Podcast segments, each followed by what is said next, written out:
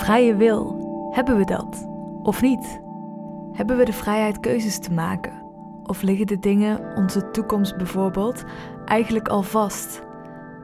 Als er een glazen bol bestond waarin ik mijn toekomst zou kunnen zien, ligt die dan al vast? Of heb ik toch nog controle over mijn keuzes?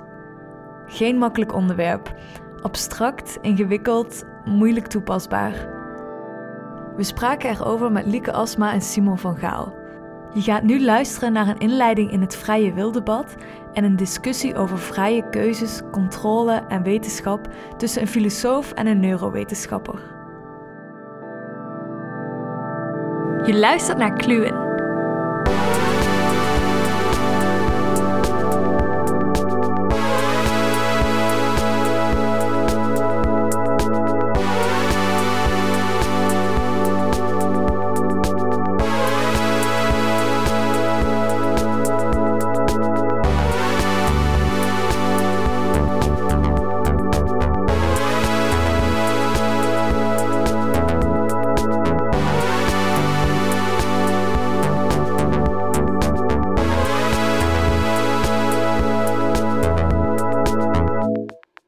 Het is vrijdagavond, het is zes uur. Normaal is dit zo het moment dat filosofen hun brein uitzetten en aan het weekend beginnen. Maar wij gaan nog eventjes door. Uh, want wij zitten in de studio van Vandal CS in Amsterdam. Geheel uit vrije wil, of dat hoop ik toch. Uh, voor het laatste filosofische gesprek van de werkweek. En daarmee zit ik aan tafel met Lieke Asma en uh, Simon van Gaal. Lieke Asma heeft een master in de cognitieve psychologie en in de filosofie van de gedragswetenschappen. Ze haalde haar PhD aan de Vrije Universiteit in Amsterdam over de vrije wil. En tegenwoordig werkt ze in München aan de Munich School of Philosophy. En naast haar zit Simon van Gaal. Die is verbonden aan de uh, programmagroep Brain and Cognition van de faculteit Maatschappij en Gedragswetenschappen aan de Universiteit van Amsterdam. En hij bestudeert de rol van bewustzijn bij het maken van beslissingen. Lieke, Simon, welkom. Um, vrije wil en bewustzijn is uh, voor mij altijd een tamelijk abstract concept geweest. Ik herinner mij ook nog van tijdens de lessen filosofie um, dat dat zo de thema's waren waar ik tijdens de les filosofie dacht dat ik het licht had gezien en dat heel mijn leven een leugen was geweest en dat alles gedetermineerd was en dat ik niet vrij was en dat ik dacht dat alles zou veranderen, echt zo mindblown. En dan ga je naar buiten na de les en dan is eigenlijk alles gewoon terug normaal en ben je nog steeds wel vrij of heb je het gevoel dat je nog steeds vrij bent. Um, maar waar gaat dat debat eigenlijk over? Misschien moet ik die vraag eerst aan Lieke stellen, omdat jij specifiek op de vrije wil hebt gewerkt. Um, wat wordt er in de filosofie gezegd over die vrije wil? Of wat is daar problematisch aan volgens sommige filosofen? Nou, dat is een uh, grote vraag. maar Daar beginnen zal, we uh, graag mee. Ja, ik zal een um, uh, inleiding proberen te geven. Nou, in, in ieder geval, de meeste filosofen denken dat um, vrije wil twee aspecten heeft. En die hebben allebei te maken met dat we controle hebben over wat we doen. En het eerste aspect is dat we ook iets anders hadden moeten kunnen doen dan we daadwerkelijk deden. Dus als ik bijvoorbeeld kies voor koffie, ehm, dan is dat geen vrije keuze als ik niet ook geen koffie had kunnen nemen of thee had kunnen kiezen, maar gedwongen ben om dat te doen. En anderzijds moet het jouw controle. Jij moet degene zijn die controle heeft over die beslissing. Dus als iemand mijn spraakcentrum aanstuurt, waardoor ik koffie zeg, of iemand mijn arm optilt en koffie aanwijst, dan is het nog steeds niet mijn keuze. En van oudsher is dus in de filosofie de vraag van hoe gaat um, dit zelf kiezen, dus meerdere opties hebben en dat jij kiest, uh, samen met determinisme. En ja, er zijn verschillende uh, antwoorden op. En ja, die discussie uh, gaat eigenlijk door. En, um, en wat bedoel je dan met determinisme? ja, dat is ook een goede vraag. Ik denk dat de beste algemene definitie van vrije wil is dat um, de toekomst vast ligt op basis van het verleden. En of dat nou is door natuurwetten of door andere, um, ja, dat wil ik dan voor nu in het midden houden, want dat kan op verschillende manieren kun je dat uitleggen. Maar uiteindelijk gaat het erom dat als wij um, ja, alles zouden weten van het verleden, dat we daar dan de toekomst volledig op zouden kunnen voorspellen. En dat geldt dan dus eigenlijk al voor je geboorte. Dus als, je, als determinisme waar zou zijn, of het universum is deterministisch, dan zou mijn beslissing ehm, voor mijn geboorte al vastliggen. Dat ik hier nu deze podcast aan het opnemen ben, bijvoorbeeld.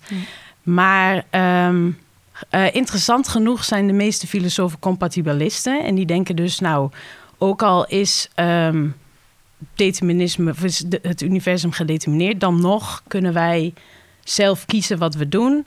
Want uh, als er redenen zijn, kunnen we een andere keuze maken. Of als we um, ons helemaal instemmen met onze beslissing, is het nog steeds onze keuze. Dus ja, de compatibilisten maken zich dus vooral zorgen om, ja, of benadrukken eigenlijk, ik kan ook zelf kiezen in een deterministisch universum.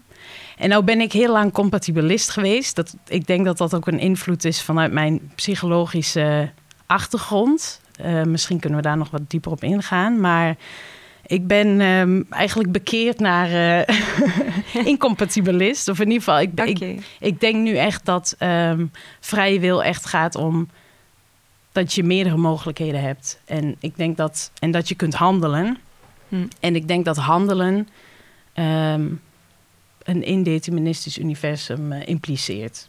Oké. Dus, dus jij, de, jij denkt dat de wereld niet gedetermineerd is? Nou, um, of dat zou moeten om vrij te zijn? Ja, dat zou in ieder geval moeten om vrij te zijn. En ik vind het ook een hele interessante vraag waar ik nu veel over aan het nadenken ben. In hoeverre um, dit, want sommige mensen zouden zeggen, ja, dan maak je jezelf afhankelijk van de natuurkunde. Die kunnen elk moment ontdekken dat de wereld uh, of dat het universum deterministisch is.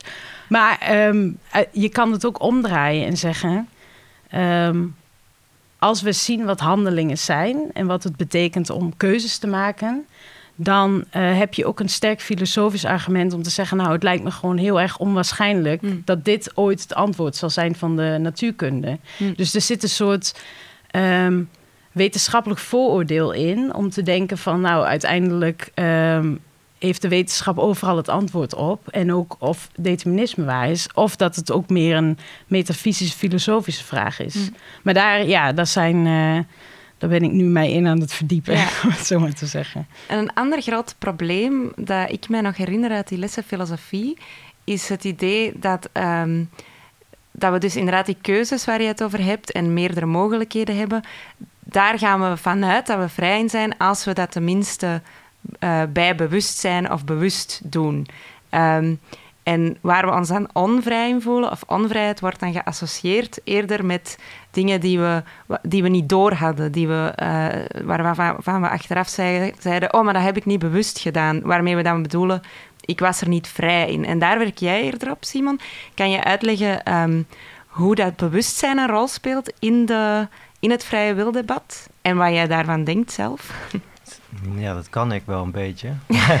yes. dat is ook een hele moeilijke vraag. Goeie gast gekozen. Um, nou, wat je zegt is correct. Ik denk uh, dat je dat uh, als je kijkt naar, of als je onderzoek doet ook, ik doe zelf natuurlijk veel onderzoek naar bewustzijn en onbewuste processen, dan zie je eigenlijk dat best wel veel, nou, gewoon loopt zonder dat je dat doorhebt in je brein. Dus er worden allerlei dingen verwerkt in je brein, allerlei informatie, nu ook uh, mijn stem en hoe ik eruit zie en dat soort dingen. En niet van dat alles word je per definitie bewust. Of misschien maar van een deel wel, wel of en een ander deel niet. En in principe kunnen die dingen allebei invloed hebben op je gedrag en op je beslissingen. Dus zowel de bewuste delen als je onbewuste delen. Hm. Dus ik denk dat je gelijk hebt dat mensen voelen zich dan voelen zich minder prettig bij als iets eh, een onbewuste keuze. Was een beetje een gekke combinatie van twee woorden eigenlijk. Maar een hm. onbewust gedreven was door een onbewust proces. Omdat, ja, dat is dan een automatisch iets. Dat, en dat komt dan doordat je brein of je, of je je hele systeem, noem ik het dan maar even, dus je lichaam en je brein en alles erbij, zo geëvalueerd is en zo door, door je omgeving gevormd eh, en door genen bepaald, dat de informatie zo uh, gemakkelijk zeg maar, in je brein is verwerkt en leidt tot bepaalde keuzes die soort van voorgebakken zijn. Hm. De vraag dan natuurlijk van, kan je ook dan iets, iets, doen wat niet voorgebakken is en dat is dan je, die ene uh, bewuste vrije, keuze, zeg maar. ja. Ehm, en dat, dat is wel, wel interessant. Het is eigenlijk niet echt een, een, een onderwerp wat waar, waar wij iets mee kunnen, moet ik eerlijk zeggen. Omdat het toch eigenlijk een beetje het domein van de filosofie is. Oké. Dus wij, ik kan wel, wij kunnen wel laten zien van als ik eh, een deel in het brein stimuleer, dan gaat iemand iets doen, bijvoorbeeld een handeling, een, een actie initiëren, zonder dat de persoon dat, eh, Hm. daar iets mee heeft ge- eh, gedaan. Zeg maar. Die doet dat van buiten. Zeg maar. Als ik met een bepaald apparaat, een TMS-apparaat bijvoorbeeld heet dat, eh transcraniële magnetische stimulatie, de motorcortex stimuleert, dus het deel van het brein wat je bijvoorbeeld je hand aanstuurt, dan beweegt je hand. Hm. Maar dan heb je niet het gevoel dat je zelf je hand hebt bewogen, zeg maar. Dus Ja. het is wel duidelijk dat het, dat het brein een soort causale... activiteit in het brein een soort causale relatie met gedrag heeft. Ja. Ehm, ja. Ik herinner mij nog ehm, een experiment ook. Eh, misschien kan je daar meer over vertellen, omdat het mij doet denken aan die eh, tests of die, die stimulatie waar je het nu over hebt. Hmm. Ehm, het, het ging over eh, een keuze die gemaakt werd ehm, binnen een bepaalde context. En er was al zogezegd voor het bewust worden van die keuze Hmm. ehm, iets in het brein gebeurd, waardoor ehm, eh, je Ik zou kunnen zeggen... wat je wil. Ja, waar je heen wil, ja. Deze kennen we wel. Die kent iedereen, ja, die kan Lieke ook uitleggen. Maar die kan, ik ook, die kan ik ook uitleggen. Dus dat is het klassieke Libet-experiment. eh, in, in de jaren tachtig voor het eerst gedaan. Later heel vaak herhaald. Maar in de, in het origine, in de originele versie zien proefpersonen een klok draaien, zeg maar. En wordt ze eigenlijk gevraagd op één willekeurig moment... als ze denken, of als ze dat willen, zeg maar even... of als ze de, de, de drang voelen om op een knopje te drukken... het is een beetje een gekke instructie... dan moeten ze dat doen. Maar dan moeten ze ook tegelijkertijd aangeven... door te kijken naar die klok... wanneer ze ja, die drang voelden opkomen. Dus je hebt eigenlijk het moment dat ze daadwerkelijk drukken op dat knopje... en doordat ze dan weten van... nou, de klok was op eh, vijf uur, ik zeg wat... toen ik de drang voelde... dat is vaak voordat je dan op het knopje drukt... Eh, dus dan heb je eigenlijk beide metingen. Je hebt het moment dat je op de knop drukt en je hebt het moment dat je mensen zeggen dat ze de drang voelden. Maar dan kijk je in het brein en daar gaat het dan eigenlijk om. En dan zie je al voordat je zelfs de drang voelde om te drukken, dus eigenlijk de, de wil had om te drukken, laat ik het maar zo formuleren, dat er onbewuste activatie is die die wil vooraf gaat. Dus dan, de conclusie is dan, de wil, de bewuste wil, drijft niet je gedrag, maar daar is een, een oorzaak aan. Hm. Dat is voor ons nou ja, bijna de meest triviale conclusie die je kan trekken. Want natuurlijk, voor ons zit er overal een oorzaak aan. Het kan niet zo zijn dat er iets ontstaat in je brein zonder dat er een oorzaak is. Hm. Dat, ja, dat bestaat wel. Er. Sommige filosofen denken van wel, dat dat wel kan. Maar Hm. ik denk in de neurowetenschappen niet echt. En Lieke, zou jij dan van dat experiment afleiden dat er eh, geen vrije wil is, zoals sommige filosofen hebben gedaan? Ehm, of ben je het daar niet mee eens? Eh, ja, dus ik denk dat het interessant is om dat te koppelen aan die twee aspecten van vrije wil die ik eh, naar voren bracht. Dus enerzijds laat het experiment zien dat determinisme waar is en dat we daarom ja, onze keuze al vast lag. En anderzijds zou je moeten zeggen dat het geen ehm, vrije keuze was, omdat, of dat het niet jouw keuze was, omdat jouw brein heeft besloten. En ik denk ehm, dat er voor beide claims geen bewijs is, want ehm, nou ja, om, om een voorbeeld te geven. Kijk, nou ja, ik, daar kan Simon waarschijnlijk meer over vertellen. Maar de literatuur die ik gelezen heb over dergelijke experimenten... nemen aan dat er constant hersenfluctuaties zijn in het brein. En alleen als jij met een, een eh, experimenter hebt afgesproken van... ik ga mijn pols bewegen als ik de drang voel... dan volgt die polsbeweging daar ook op. Dus daaruit kun je bijvoorbeeld concluderen... dat die hersenopbouw niet noodzakelijkerwijs deterministisch leidt tot een polsbeweging. Hm. Dat is alleen in die setting, met die afspraak. En een ander, ehm, dat kom ik weer terug op de claim van... kun je ehm, met wetenschappelijk onderzoek aantonen dat determinisme waar is... is bijvoorbeeld, stel je een situatie voor waarin iemand ziet... dat hij haar portemonnee laat vallen. Ik denk dat honderd mensen in allerlei verschillende situaties... hun portemonnee oprapen. Want dat is nou eenmaal gewoon verstandig om te doen. Maar daar volgt niet uit dat het vallen van de portemonnee mijn handeling van oprapen determineert. Ik had ook iets anders kunnen doen als dat. Als daar reden voor was, of gewoon omdat ik er geen zin in had. Maar niemand doet dat omdat daar je gewoon doorslaggevende redenen hebt om je portemonnee op te rapen. Dus zelfs als er constant opvolging is, kun je nog niet daaruit concluderen dat determinisme dat het een deterministische relatie is. Dus dat is één ding. Nou, determinisme volgt er niet uit. Maar wat dus volgens mij veel interessanter is, is de vraag: beslist het brein? Want dat wordt dan vaak gezegd. Nou, het brein beslist en niet wij.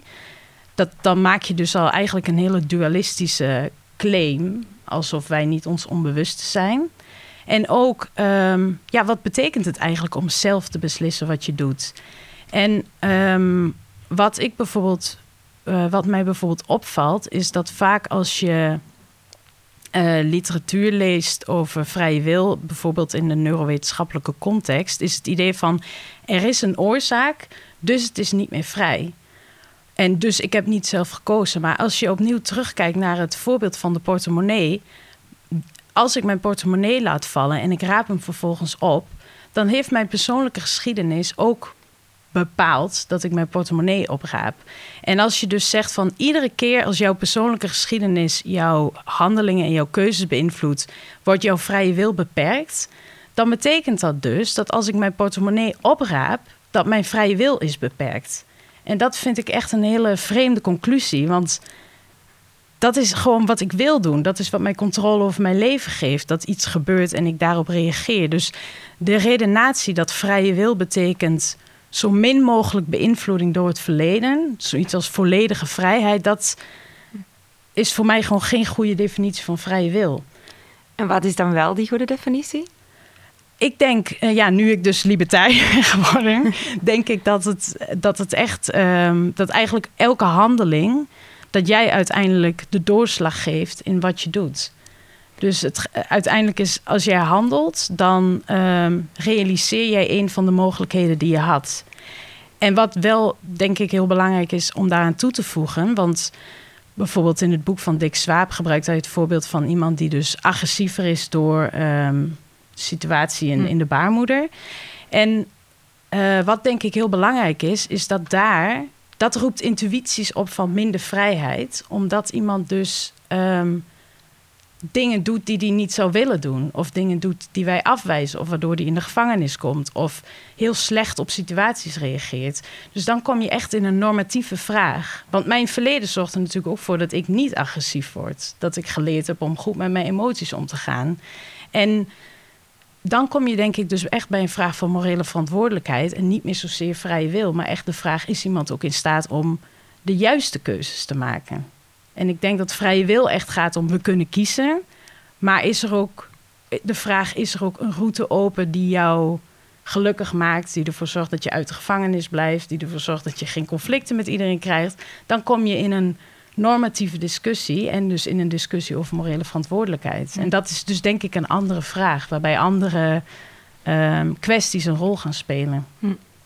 Ja, ik moet meteen denken aan uh, een ander domein van de filosofie dan. Maar misschien kunnen neurowetenschappers ons daar ook iets over zeggen. Um, en dat is dat van de uh, implicit bias. Dus je zegt um, dat er situaties zijn waarin dat we beïnvloed zijn of iets met ons verleden dat um, ja, onze keuzes zal beïnvloeden.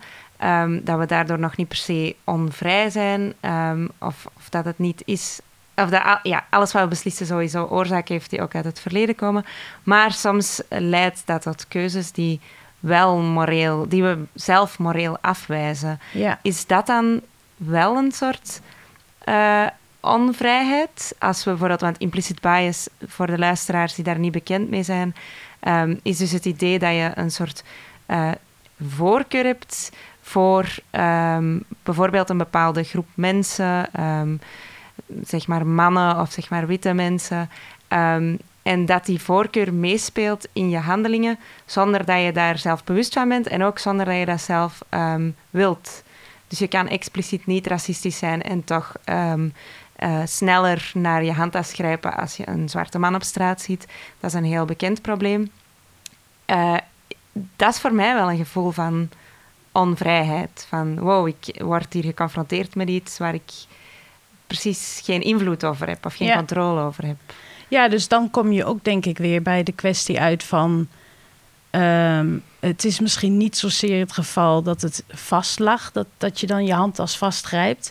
Maar de optie om ehm, anders te reageren op een manier die je wel goed vindt, was misschien niet open voor jou. Dus dat, dat is denk ik ook een vraag waar inderdaad neurowetenschappelijk onderzoek ons misschien veel over kan vertellen. Van hoe, wat gebeurt er nou precies als iemand zoiets doet?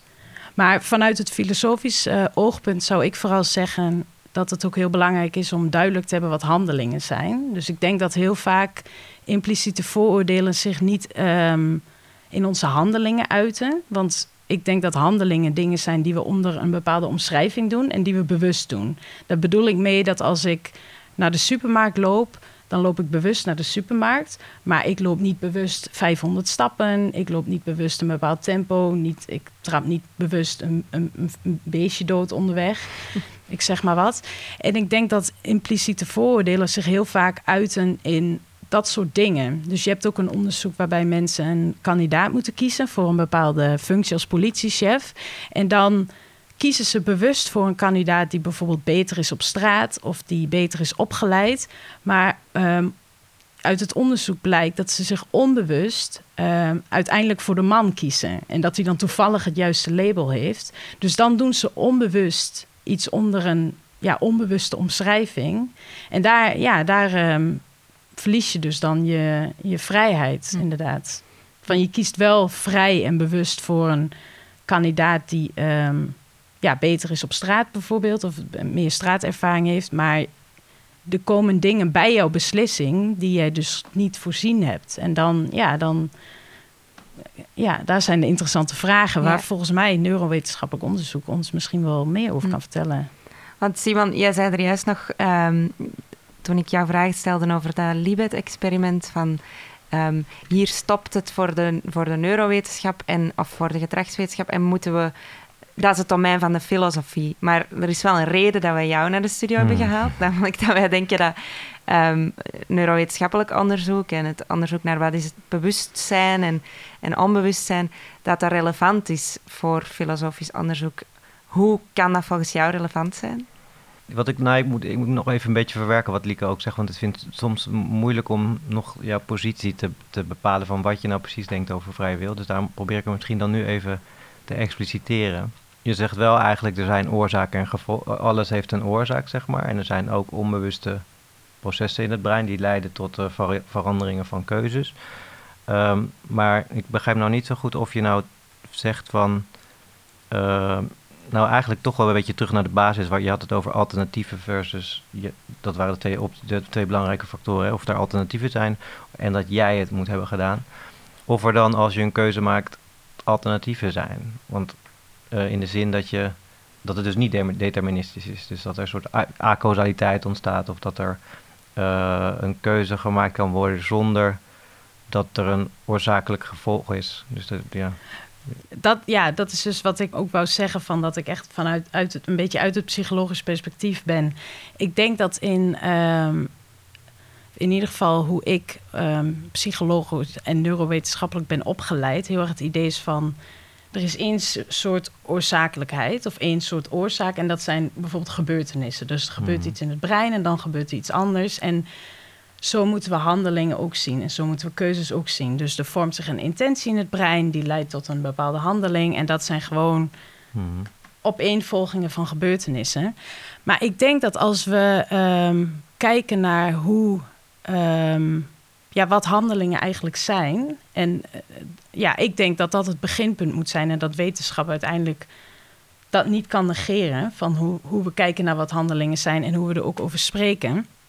En dan zeggen we bijvoorbeeld niet van uh, Simons intentie heeft ervoor gezorgd dat hij hier, hij hier is. Nee, Simon heeft ervoor gezorgd dat hij hier is. Inclusief al zijn onbewuste processen, zijn hele lichaam en, mhm. en al dat soort aspecten. En daarom denk ik dat we ruimte moeten maken voor het idee dat uiteindelijk een persoon een handeling uitvoert en niet een één breinproces of één intentie. En een persoon heeft wel bepaalde intenties, maar dat is niet een oorzaak. En als je dat accepteert, dan kun je inderdaad zeggen: ehm, onbewuste proces in mijn hersenen, maar ook bijvoorbeeld het feit dat mijn portemonnee valt, is de oorzaak dat ik hem opraap. En natuurlijk spelen allerlei motorprocessen. Ja, dat, dat, ik kan niet al mijn spieren bewust aansturen. Gelukkig hoeft dat ook niet. Maar uiteindelijk ben ik degene die besluit om mijn portemonnee op te rapen. Dus het is een. Um, een het, het idee is uiteindelijk van dat je die gebeurtenis, oorzakelijkheid, die in wetenschap centraal staat, of in ieder geval voor zover ik weet, niet um, uitsluit dat uh, een persoon uiteindelijk de keuze maakt. En dan kan die persoon, die heeft controle over de verschillende opties. En soms zijn bepaalde belangrijke opties afgesloten, maar er is altijd een persoon die de doorslag geeft als geheel.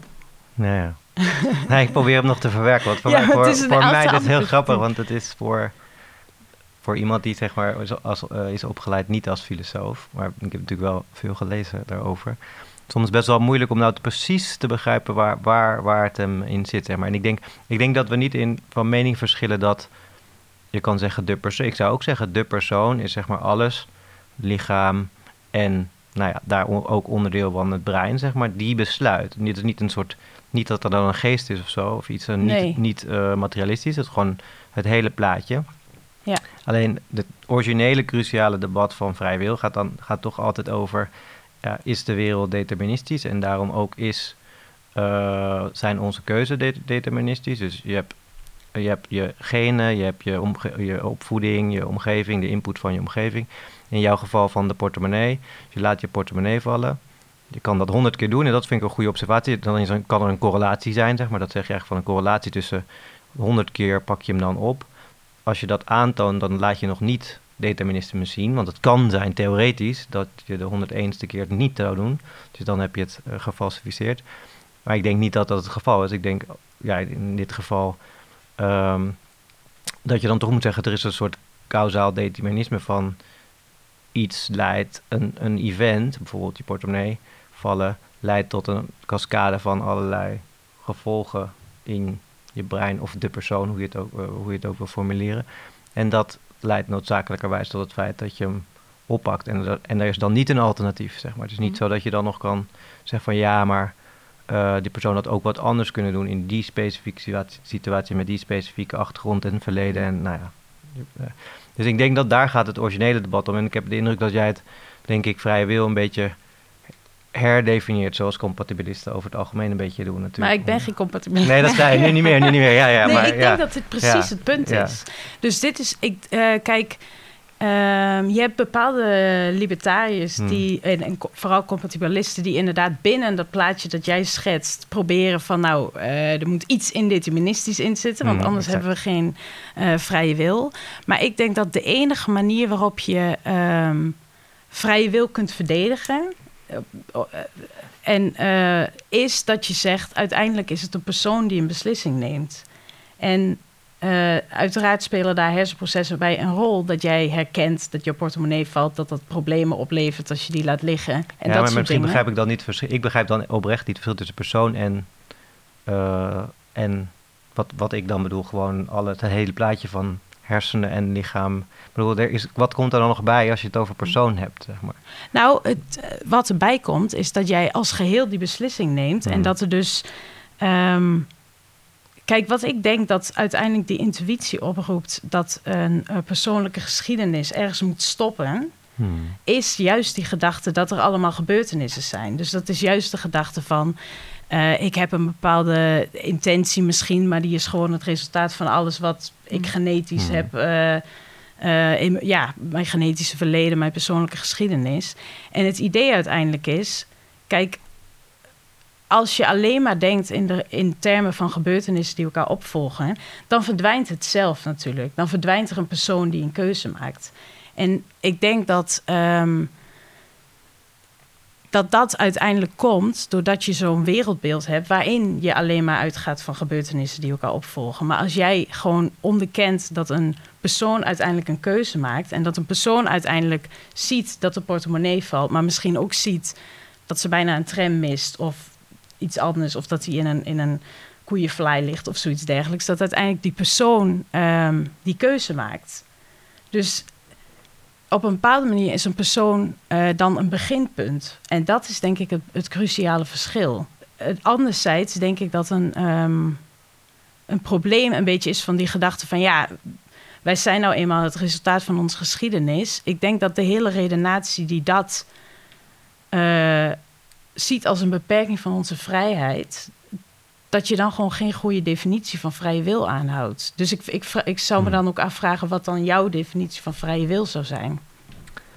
Oh, nou ja, ik, ik, ik, heb niet een eigen definitie. Ik, heb gewoon, ja, ik probeer denk ik de definitie te hanteren waarvan, waarvan ik denk dat dat de originele definitie is. Zeg maar, waar, waar jij ook mee begon eigenlijk. Ja, de dus ability to ja, otherwise, ja. Dus dat, en ik denk, dus die kan je alleen maar verdedigen door te zeggen...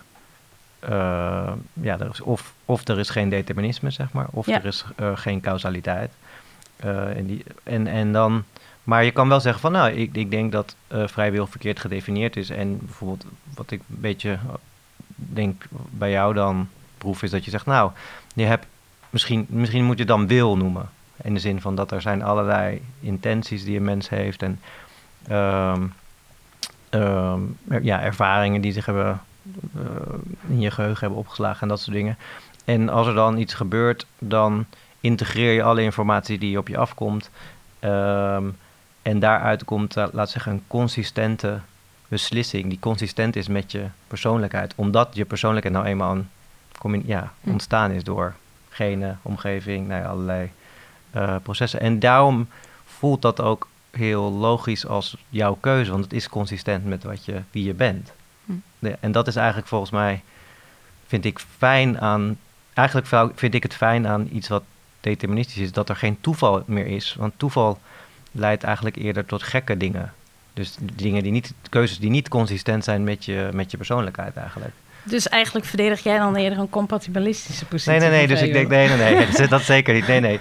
Uh, ik denk, ik, ben zelf, ik zou zelf gewoon zeggen: um, er is geen vrije wil in de originele definitie van vrije wil. Hm. Maar dat betekent niet dat een mens de hele tijd dingen doet die, die, die niet in lijn zijn met zijn, persoonlijk, met zijn of haar persoonlijkheid. Juist wel. Je doet de hele, en dat is juist het fijne van determinisme. Je, je, je, je, doet de hele tijd wie je bent. Ja, laat ik het zo even zo formuleren. Ja, ja dus dat is denk ik ook um, waar, waar, je, waar ik dan jouw kritiek op proef. Dat idee van dat er willekeur in zou zitten als je zo'n libertarische positie verdedigt.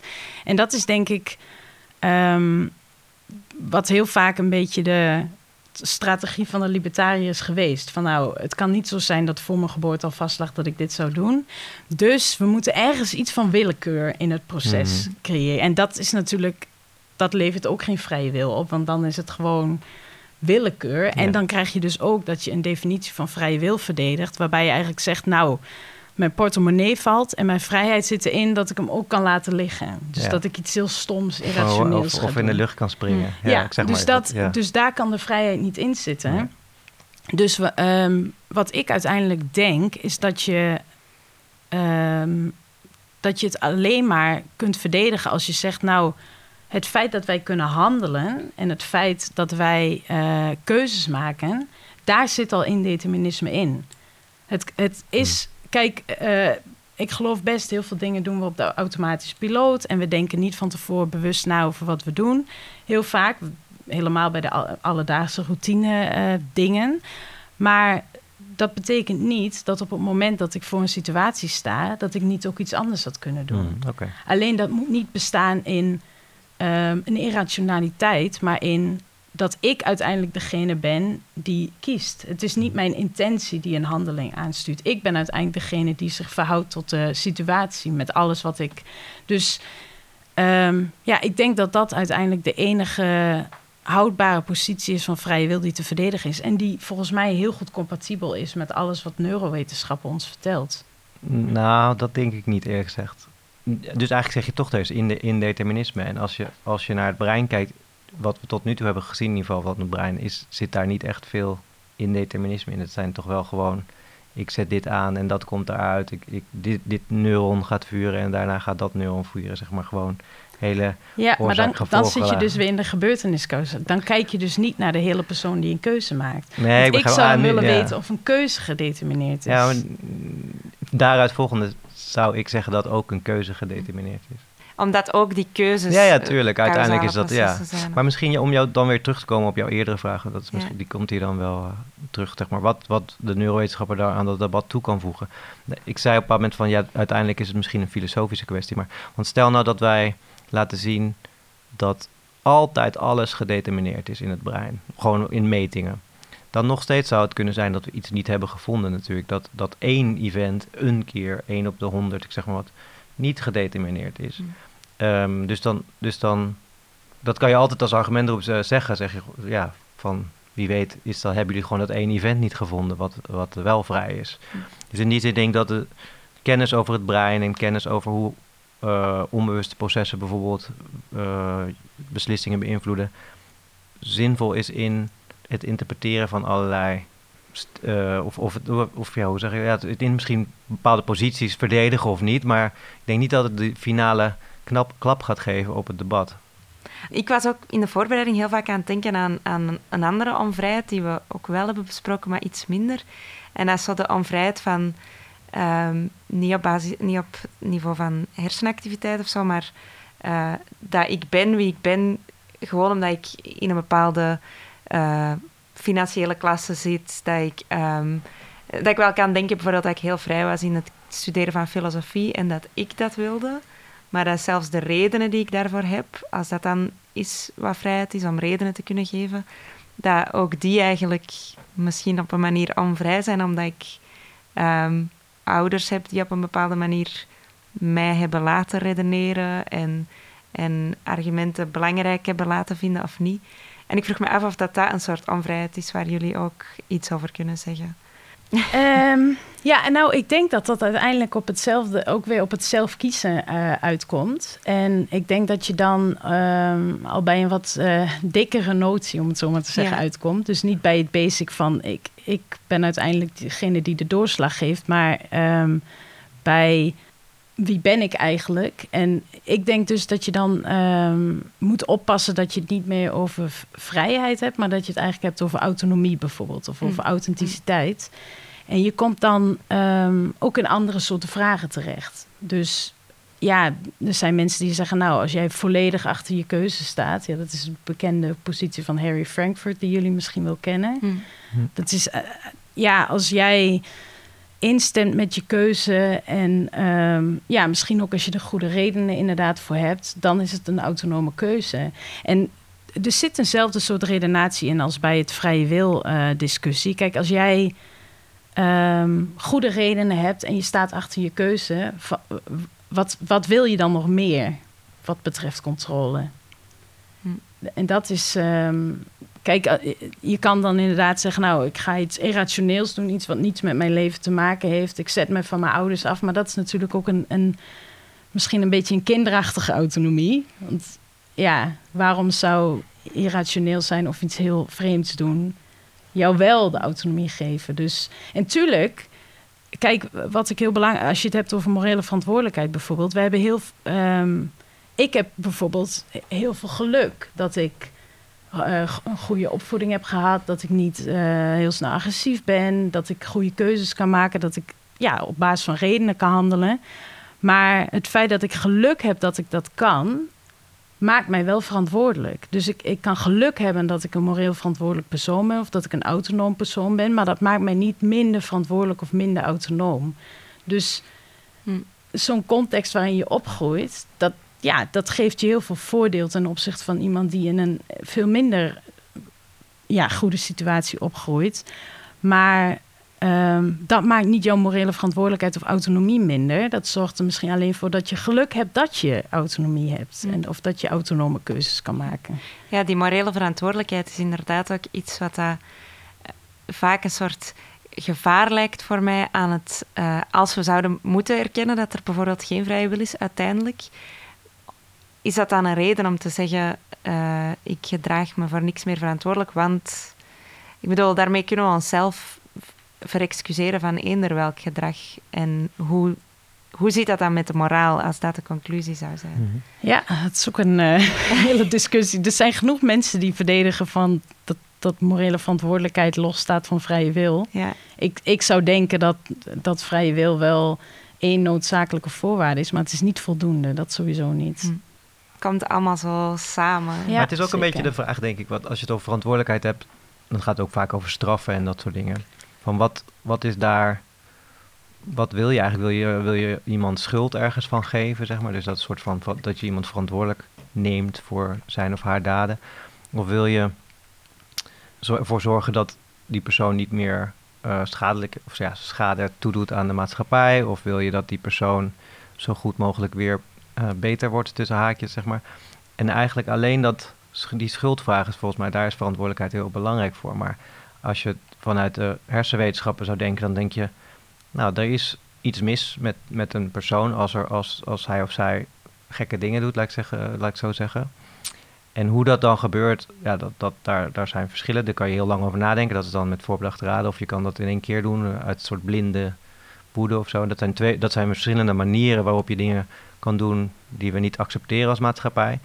Ehm, maar de vraag is een beetje eigenlijk dan van ja, hoe, eh, hoe, kan, hoe goed kan ik inschatten hoe lang iemand een gevaar is voor de maatschappij en hoe kan ik die persoon weer, ja, weer beter maken. En dat is afhankelijk van de onderliggende redenen. Dus, dus van de onderliggende, van het brein eigenlijk bijvoorbeeld in dit geval. Van, misschien ligt het aan eh, opvoeding of misschien is er drugs in in het spel of misschien... ehm, en dat zijn dan de hele extreme versies, maar er kunnen ook allerlei lichte vormen van nou ja, aandoeningen zijn die je eigenlijk niet zo snel ziet. Iedereen heeft natuurlijk eigenlijk een aandoening. In de zin van, je weet, niemand weet wat voor invloeden er allemaal in je hoofd zitten. Van, op, van opvoeding en, en allerlei andere dingen. Hm. Het is dus, nou ja. denk- Ja, ik, ik ben het daar wel in die zin mee eens dat ik soms ehm, heel veel discussies over morele verantwoordelijkheid lees. Of heel veel filosofische literatuur. En dat het een eindeloze. En dat ik me inderdaad soms ook wel de vraag stel van hoe belangrijk is het precies dat je iemand kunt straffen voor wat hij heeft gedaan. En ik, ik snap jou. Dat is de spanning, want je wil ook graag. Ja, dat blijkt ook uit onderzoek als mensen gemanipuleerd worden om niet in vrije wil te geloven dat ze snelle vals spelen op een test bijvoorbeeld. Ik weet niet wat we daar allemaal uit moeten eh, uithalen. Maar anderzijds denk ik wel eens van deze vraag. ehm, zouden we eigenlijk volgens mij veel meer aandacht aan moeten besteden. Want uiteindelijk willen we gewoon dat. Ja, dat, dat mensen goede keuzes kunnen maken. En, en of we dan vooral. Ja, iemand mogen straffen of niet, dat vind ik dan soms toch ook iets minder interessant eh, worden. Dus ehm, ja, daar ben ik het echt wel mee eens.